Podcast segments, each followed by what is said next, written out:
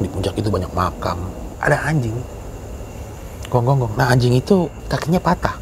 Pas gue obatin itu ya nggak tahu berapa menit gue lupa. Anjing itu diem. Mas misi mas. Jangan ngalangin jalan. Itu dua orang. Gini center gini kan. Ini gue liat siapa nih? Ih es lo siapa lo? Hela diem. Ini siapa nih? Itu semuanya kita berempat melihat badan orang mukanya anjing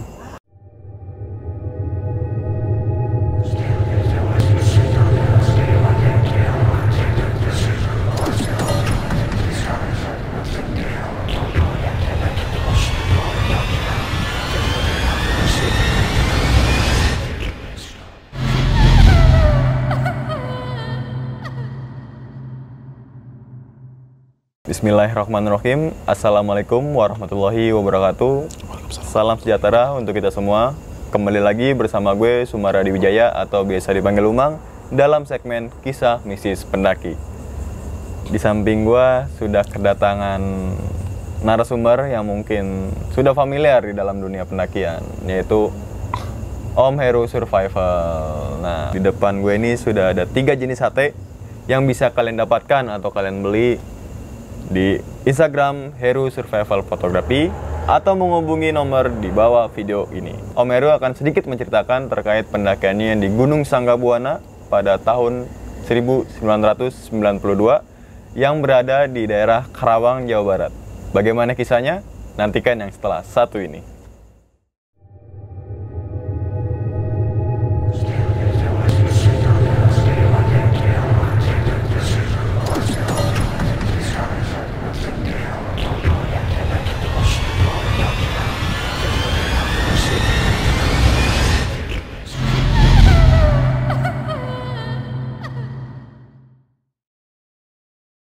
Tahun 92 itu kita dulu ada namanya Jambore. Jadi Jambore Mapala. Mungkin eh, cakupannya mungkin apa ya waktu di tahun itu masih sejawa ya. Pas sekarang namanya TWKM, TWKM. bicara kenal Medan, Hmm. zaman gue itu Jambore. Nah, Jambore itu kita acaranya di Gunung Parang, Purwakarta. Camp, terus uh, sembari latihan rock climbing. Wah di acara itu, wah tuh banyak lah beberapa mapala. Ke sana uh, kalau salah dua malam, ya manjat ya pasti biasa lah gantian karena zaman itu yang punya pelatihan air itu sangat terbatas sekali. Jadi kita ngantri lah. Hmm. Selesai dari situ, ada teman gua namanya Hel Hele. Hele orang Manado. Dan dia tinggal di Karawang. Dia bilang begini, dari sini ke tempat gua, ke rumah gua, jalan langsung pulang. Ya boleh lah. Jauh nggak? Ya lumayan. Nggak cerita ke tempat dia. Ternyata rumahnya gede banget, juragan. Dia bilang nggak nyangka loh. Ini gaya lo kayak, mohon maaf kayak seruntulan gembel. Ini lo, ini lah ternyata lo juragan. Enggak, biasa aja gua. Itu kan babe gua. Nah, di rumahnya dia kita istirahat, bebersih, sama mandi segala macam, makan. Terus dibilang begini si Hela itu. Waktu itu gue tempat Hela gue cuma berapa orang ya? Kalau nggak salah gue bertiga. Jadi sama Hela itu empat ya. Tapi gue lupa nih, agak lupa. Tapi gue ya gue panggil sebutan namanya lah Cemong, Cemong, Jack dan gue panggil Sirin lah dia. Karena waktu itu dipanggil karena dia sering batuk-batuk, obat batuk itu lah. Gue nggak bisa sebutin obat batuk ya. Apa gitu, pokoknya panggil Sirin. Sirin, Cemong dan Jack. Jack. Nah, rumah itu bagus banget ya. Ah, masih ada kayak ada sawah-sawah. Eh si Hela bilang begini, naik Gunung Sanggabuana yuk. Gunung Sanggabuana. Emang ada di Kerawang? Gunung Sanggabuana.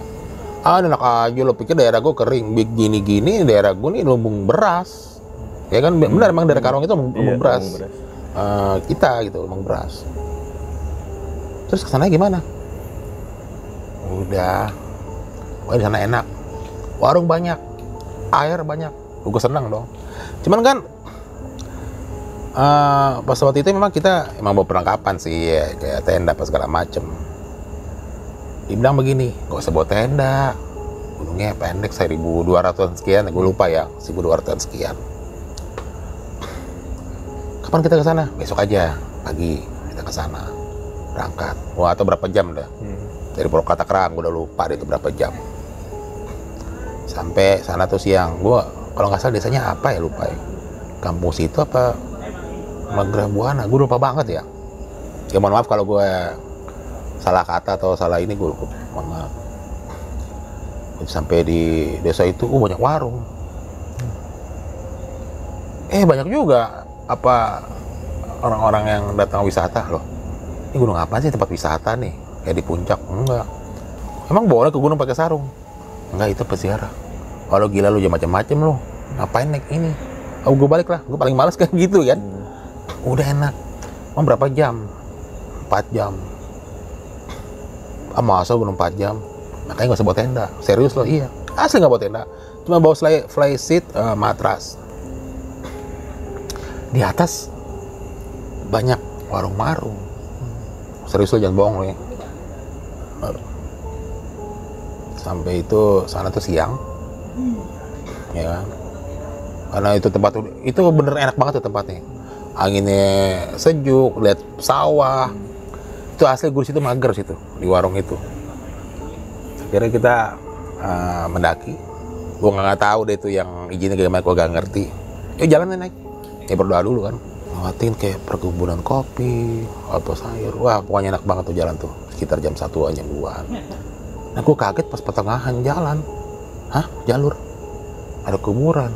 Gue gue diem. Ya lo nggak salah jalur nih. Kagak deh. Emang benar pas kita uh, mendaki itu berempat. Memang banyak juga ada peziarah eh nggak lama pas udah berapa jam ih lama-lama tuh tanjakannya ekstrim. Mungkin kalau gue kalau nggak salah ingat itu kira-kira tingkat kemiringan 60 sampai 70 derajat. Itu gue nggak nyangka itu gunung nggak nyangka. Wah itu langsung antara mau ketawa atau gue dikerjain kan sampai ya ya mohon maaf ya mungkin ada kata-kata ini kan kurang ajar loh apa bang apa bang itu. Oh kota-kota udah nikmatin aja. Nah, ya ampun tuh sampai apa mungkin ya? Gue nggak tahu di pos berapa ya. Tuh. Ada ah, kita ada berapa istirahat ya ada enam pos atau berapa gue udah lupa dah.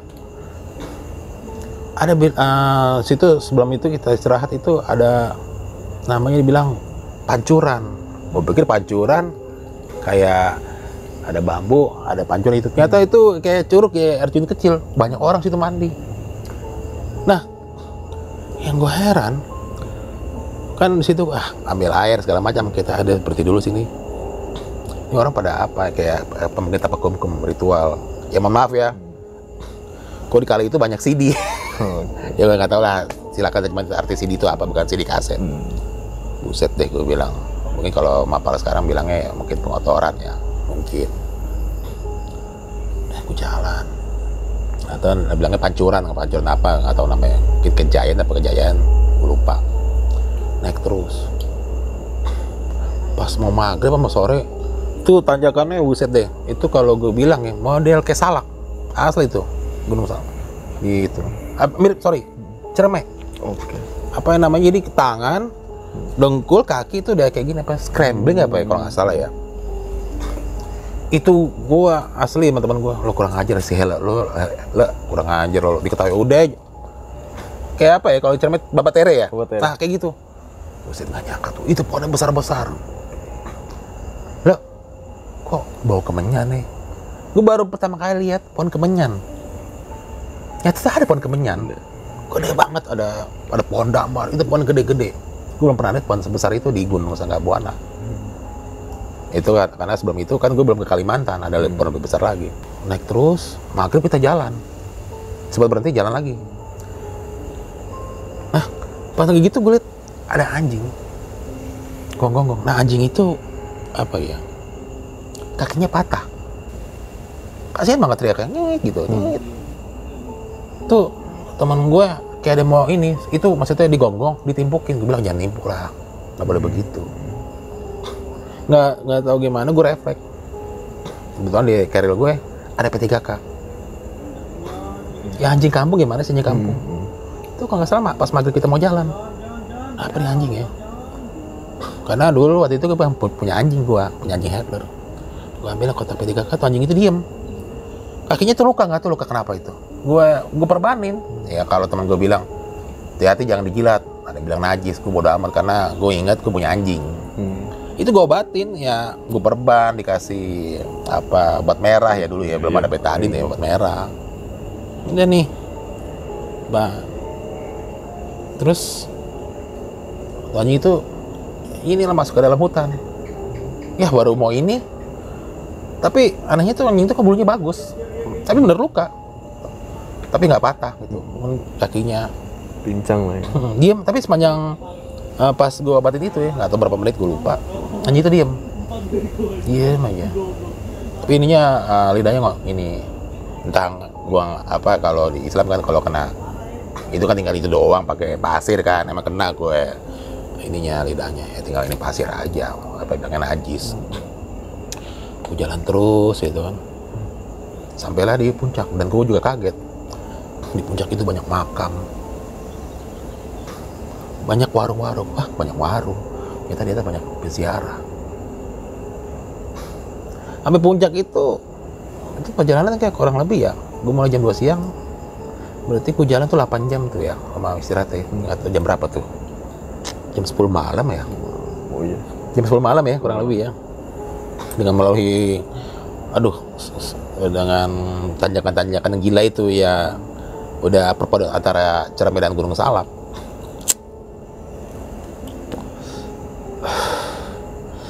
Dan itu banyak peziarah. Makamnya bukan makam ada bilangnya makom ada beberapa mungkin ada mereka ritual. Ya gue ngeliatin aja. Ya kan? Nah. Si teman gua ini si cemong kayak nggak enak gitu. Nggak tahu gimana bilang jangan lama-lama deh udah kita nggak camp aja tanggung nih kan kita bisa lihat apa ya sunrise Hmm. cuma memang pemandangan di Gunung Sanggabuana banyak pohon-pohon ya ya kalau kita mungkin lihat kayak Pangrango gitu ya Hmm. Nah si si si cemong itu entah apa yang dilihatnya gitu loh, ya kan? Dia nunduk aja gitu. Lo kenapa mong? Enggak apa-apa. Ngobrol, makan itu. Dan memang situ banyak. Waktu itu ada, mungkin ada satu dua warung gue lupa. Dan itu cukup lah, cukup banyak peziarah situ. Bilang itu peziarah aja. Pas saya gue hela, itu aja orang peziarah aja nggak bawa tenda kan gue bilang apa nggak usah bawa tenda. Hebat itu gue kekeh, gue mesti bawa tenda. pas kira-kira mungkin jam 11 jam 12 malam hujan turun dengan derasnya wah kalang kabut flysheet cuma bawa flysheetan doang. Ya kan? Kira gua ada merapat di situ ada kita ada ada warung tapi warung itu nggak buka. Ada mungkin kayak tempat-tempat duduk kayak kayak mungkin dibilangnya apa sih? Nggak sih bukan gazebo ya. Saung ya? Kayak gitu Saung. ya duduk situ. Hujan kan? Ngerokok aja. Pokoknya di saung itu gue cuma berempat doang. Yang peziarah juga ada di sana kan terus sepanjang kita itu itu nyium bau dupa. Ya udahlah gue bilang jangan usah ngeretek kretek filter ah, nggak usah ngeretek ah, filter kretek apa kretek aja. Biar lo nggak anak-anak mau gue nggak tahu si cemong ini kenapa. Mungkin kalau sekarang dibilang ini kok kali ya dia diem aja. Terus dia mual-mual. Lu minum lah minum. Ah lu mah nggak usah didramatisir lah ini ini. Terus ada bapak-bapak isi mas ya. Numpang neduh Hmm. bapak-bapak itu pakai caping. Tapi kita nggak bisa lihat ininya kan mukanya. Iya pak neduh pak rokok pak. Enggak makasih. Ngerokok kawung. Wah semakin mual aja si cemong. Kan aduh. Aduh, gue pusing di pala gue nih. Wah, muntah dia. Udah nyium bau dupa kemenyan, rokok apa kelawung ya, kelobot ya. Gue ketawa-ketawa situ. Bapak-bapak itu nggak ini diem aja diem. Pak, dari mana pak? Saya dari jauh. jauhnya mana pak? Nggak jawab. Ya kan? Pak. Minum pak. Makasih. Pak makan pak. Makasih. Si kakek-kakek itu. "Eh, eh, makasih ya mas. Saya turun hujan udah reda gerimis. Ditebak-tebak gua. Makasih mas ya. Makasih ya pak. Jalan aja. Melihat kondisi si Cemam begitu dia muntah-muntah segala macam dan hujan udah reda akhirnya kita memutuskan untuk turun. Ya kan? Si Ella bilang udah turun aja sih si Ella ini si Binyo panggil Binyo gila lah emang orang Manado. Ya akhirnya pas di tahun keberapa dia ngajakin gue ke ekspedisi Sulawesi nanti ada ceritanya itu. Udah turun turun turun aja turun turun turun. Gue nggak tahu turunnya berapa mungkin jam satuan turun. Entah di pos berapa gue nggak tahu itu. Entah halusinasi ta- atau apa di bawah senteran. Senteran dulu belum ada headlamp gue pakai senteran yang besi itu tuh. Apa sih itu? Nggak tahu lupa mereknya tuh ini kulit siapa nih? Ih. Lo siapa? Lo? Hela diem ini siapa nih? Itu semuanya kita berempat melihat. Badan orang mukanya anjing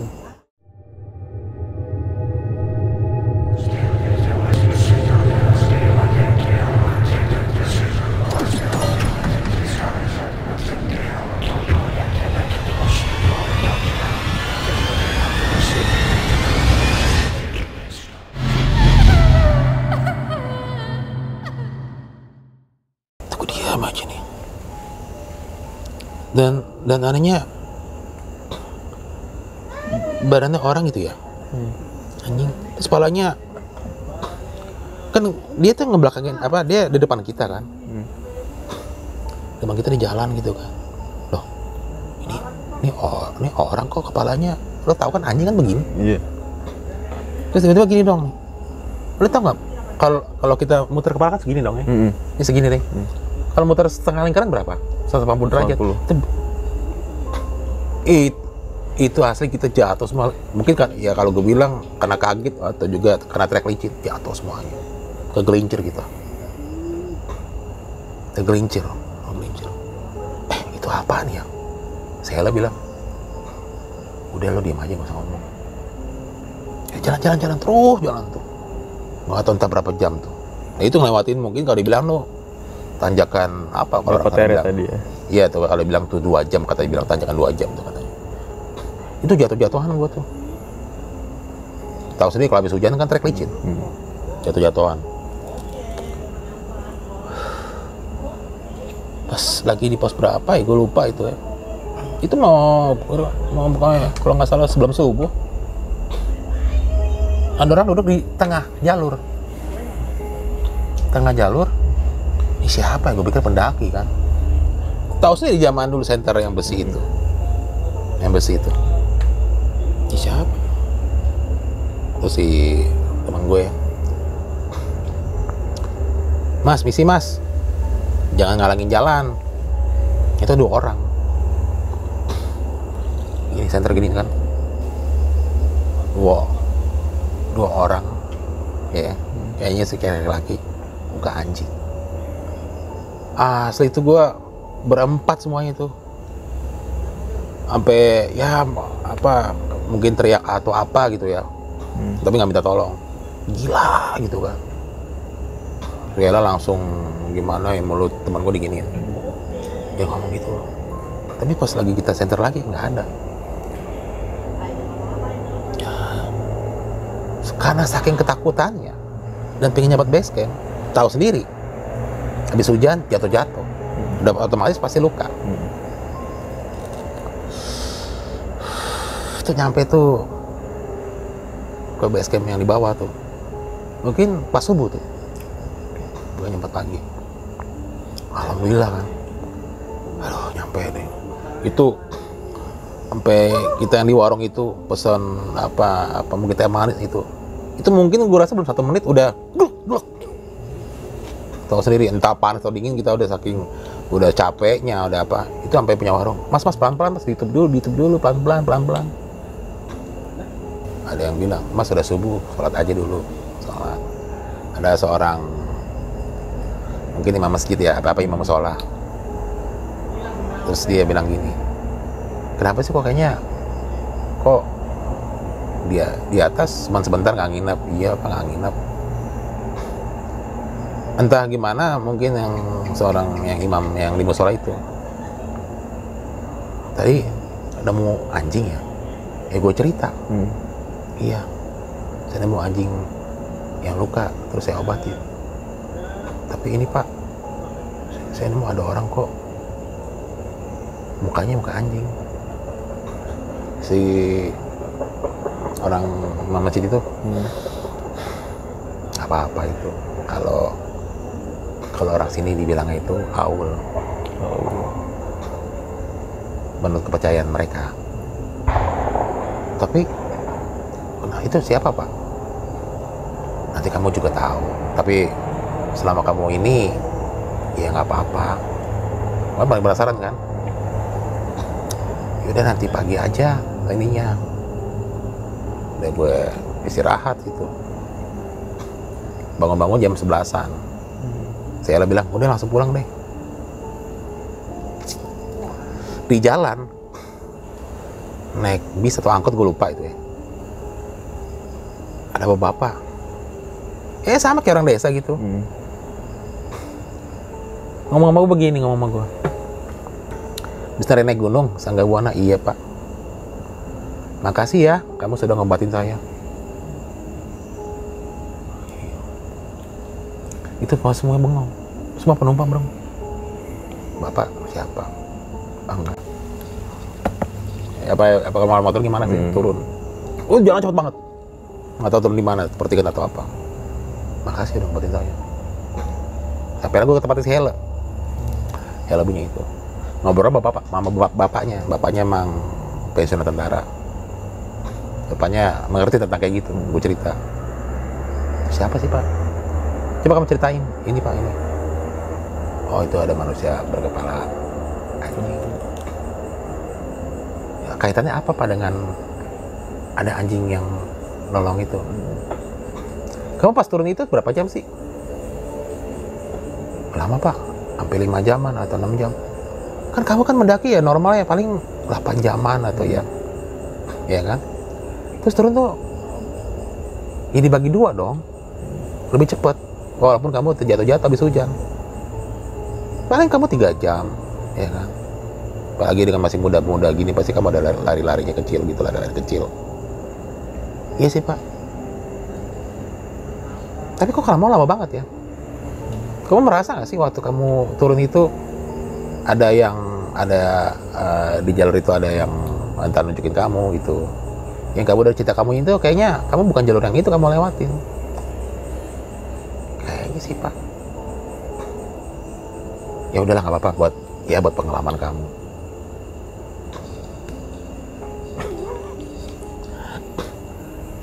Jadi ternyata normal itu kalau kita turun dua jam setengah apa tiga jam dengan kondisi normal ya. Kalau nggak apa kalau hujan paling tiga jam itu ya kondisi tanah basah. Ya untunglah kamu ada yang nunjukin ya mohon maaf ya.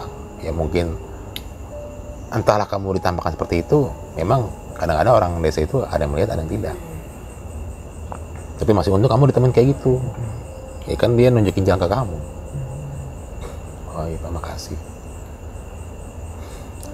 jadi kesimpulan dari pendakian Gunung Sanggabuana ya jangan meremehkan gunung dengan ketinggian di bawah 2000 mdpl nyata tuh gunung itu treknya sangat terjal sekali tuh 60 sampai 70 derajat kemiringannya. Terus yang kedua eh, di pendaki gunung kan apa ya, kita dilarang membunuh apa apa mungkin nggak boleh bunuh hewan apa gimana ya karena gue secara sempota, spontanitas menolong anjing itu. Gue nggak tahu anjing siapa mungkin anjing warga kan. Gue pikiran gue positif aja karena gue punya anjing di rumah. Ya gimana sih kalau kita punya hewan pi- piaraan? Kalau hewan kita terluka pasti kita obatin kita bawa ke dokter atau gimana. Itu gimana tuh pak? Ya nggak apa-apa. Nggak aja ini pelajaran buat kamu.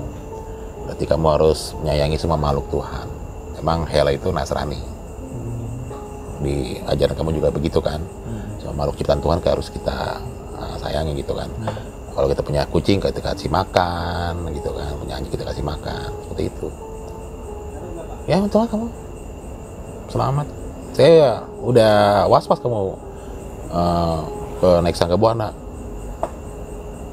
soalnya saya baru pertama kali.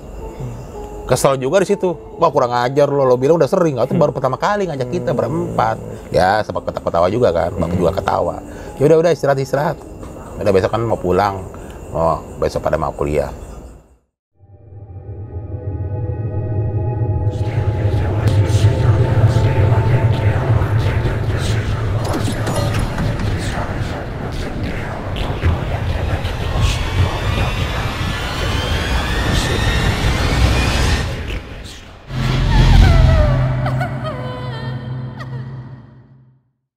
teman-teman semua cerita dari Omeru ketika melakukan pendakian Sangga Buana yang memang bisa dikatakan ada sosok manusia berkepala anjing Om ya.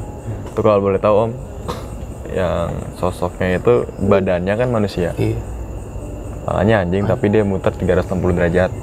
Itu dia setengah oh setengah 180. Ya. Itu dia memakai baju atau memang pakaiannya gimana tuh yang sosok gitunya?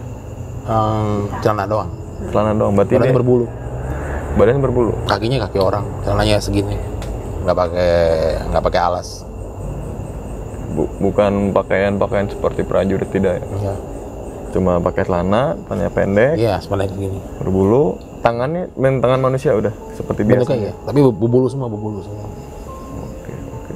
eh serem banget Oke. tapi ya eh, tidak mengganggu tidak meneror ya mungkin ya mungkin juga dia di tengah jalur itu mungkin menurut gue mungkin dan teman-teman ya udah le- lewat jalur sini gitu mungkin Dan bisa jadi ucapan jadi. terima kasih Om mungkin karena ya udah menolong ya anjing amin. itu kan. Nah, tadi juga udah sempat singgung sama Om Meru, jangan meremehkan gunung. iya Entah itu gunung yang ketinggian 2000, Iya. 1000 gitu kan, iya. atau 3000, Iya. tetap rendah hati dan gunung itu tidak memandang bahwa kalian tuh udah naik gunung tuh berapa kali itu nggak mandang Om ya. iya Wah gue udah sering naik gunung ini kok Ah, gitu kan. iya. santai aja gitu kan. Pasti semua ada seperti Om Mary selalu singgung ada sebab dan akibat Om. iya tetap mesti itu. nggak boleh meremehkan. Ternyata hujan. Hujan kan? Kan bilangnya tektok sebentar. Sebentar sebentar. Bawa tenda bawa plastik iya gitu kan. beres nah itu ambil sisi positifnya dalam video ini dan buang sisi buruknya Om ya. Iya. jadikan video ini pembelajaran tadi pengalamannya Om Meru itu. Karena Ki Hajar Dewantoro juga menyebutkan bahwa setiap orang adalah guru dan setiap tempat adalah sekolah. Seperti itu. Nah jadi teman-teman semua cerita Om Meru ini bukan untuk menakut-nakuti teman-teman semua nih yang ketika melakukan pendakian gunung Om. Disangkanya kan nanti untuk nakut-nakutin itu enggak. Ini sebagai jadikan sebuah pembelajaran Om ya. Nah, sempat juga disinggung sama Om Meru tiga poin itu jangan mengambil sesuatu kecuali gambar jangan meninggalkan sesuatu kecuali jejak dan jangan membunuh sesuatu kecuali waktu Iya. gitu. Nah ini harus kalian pahami dulu dan memang banyak sekali kejadian-kejadian atau kasus-kasus yang memetik inilah om Iya. gitu kan, Iya. metik ini bawa ini bawa itu sampai akhirnya pas turun kejadian lah. iya iya Itu memang bisa dikatakan kita bilang di luar batas nalar om ya. Hmm. Yes itu tadi sebab akibat iya kita nggak mungkin apa mendapatkan suatu kejadian di luar batas nalar kalau kita tidak uh, menimbulkan sebab nih. iya iya Yang penting jaga etika, jaga perilaku, jaga sopan santun, jaga diri, jaga teman semua Iya. itu harus jaga selain basic ilmu penyita alam Iya. ya. Tata krama juga harus kalian pahami seperti itu. Jika semuanya berkesinambungan, kalian sudah melakukannya, insya Allah pendakian atau perjalanan kalian akan aman-aman saja tanpa ada sedikit pun yang memang di luar batas nalar. Ada lagi om pesan terakhir om untuk teman-teman semuanya om. Gak pesan terakhir ya Pesan terakhir, maksudnya pesan dari Omero nih, Oh. dari pengalaman-pengalaman itu. Kalau pesan jadi- terakhir udah dong. tidak semua gunung yang saya jelajahi dan hutan itu banyak mistisnya tidak semua itu tergantung bagaimana kita menyikapinya jika anda mendaki gunung men- menjelajah hutan mengarungi sungai menyelami lautan memanjat tebing anda harus punya ilmunya anda ikutin prosedurnya Anda harus tahu perizinannya, stamina Anda bagus, Anda menguasai teknik survival dan segala macam, navigasi darat, memeta, peta. Insya Allah selamat. Dan juga yang paling terpenting, di antara itu semuanya yang kita punya ilmu itu, jaga adab dan, adab dan etika di tempat tersebut. Kearifan lokal. Iya, seperti itu. Oke, teman-teman semua, eh, itu sedikit cerita atau kisah dari Om Heru mengenai pendakiannya ke Gunung Sanggabuana pada tahun 1992 di daerah Kerawang, Jawa Barat. Nantikan video-video selanjutnya dan siapakah narasumber berikutnya? Tetap pantengin terus di YouTube Sumaradi Wijaya. Mau subscribe, mau kagak terserah kalian, mau like, mau kagak terserah kalian, mau komen, mau kagak terserah kalian. Intinya adalah Nah, itu adalah hak kalian masing-masing. Sekian video kali ini dan sampai jumpa di video-video berikutnya. Wassalamualaikum warahmatullahi wabarakatuh. Waalaikumsalam warahmatullahi wabarakatuh.